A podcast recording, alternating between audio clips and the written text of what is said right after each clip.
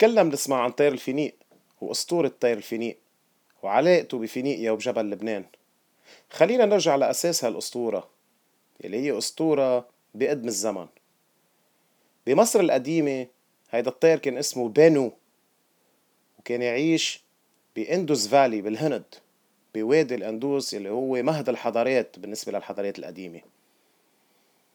الفينيكس أو البانو كان يترك ال Indus Valley كل 500 سنة تقريبا ويتوجه نحو جبل لبنان حتى يتعطر من رحيق أرز لبنان وباقي شجر لبنان ويحضر حاله تيتوجه نحو هليوبوليس بمصر. مطرح اللي كان ينتحر حرفيا يحرق حاله. ومن الرماد تاني يوم كان يطلع طير صغير. لبعد ثلاثة أيام كان يطير ويرجع فينيكس خالد لخمسمية سنة جديدة. باليونان والأسطورة الأهم بتجي من اليونان خصوصا وأنه معظم أساطير فينيقيا إجت من اليونان لأنه اليونان أخدوا كل أساطير فينيقيا وقالوا عنها يونانية. كان اسمه طير الفينيكس كان لونه أحمر على أرجواني من هون كلمة فونوكس يلي عطيت هيدا الشعب اسم فينيقي على فترة طويلة من الزمن يلي هو الشعب اللبناني شعب جبل لبنان وسفوح جبل لبنان ومدن لبنان اللي بنعرفها الفينيكس كان يعيش بفينيقيا وكان عنده عش حده في بير. كان كل يوم الصبح على شق الضوء ينزل الفينيكس حتى يتحمم وكان يغني.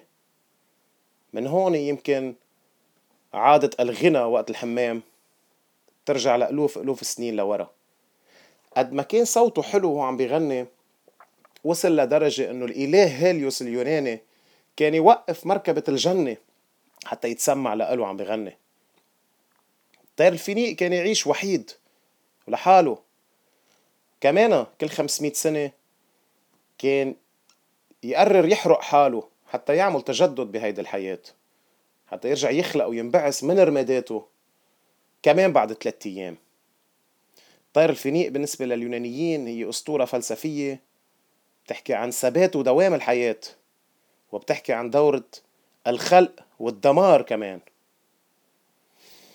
بباقي الحضارات ببلاد فارس كان في اثنين فينيكس.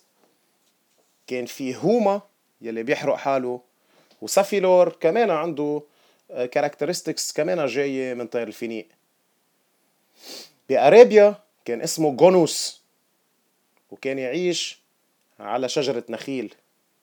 كان يختفي والناس ما تقدر تشوفه ولكن كل 500 سنة كمان كان يتوجه لمصر حتى يعمل ذات الشعائر ويرجع يخلق من جديد.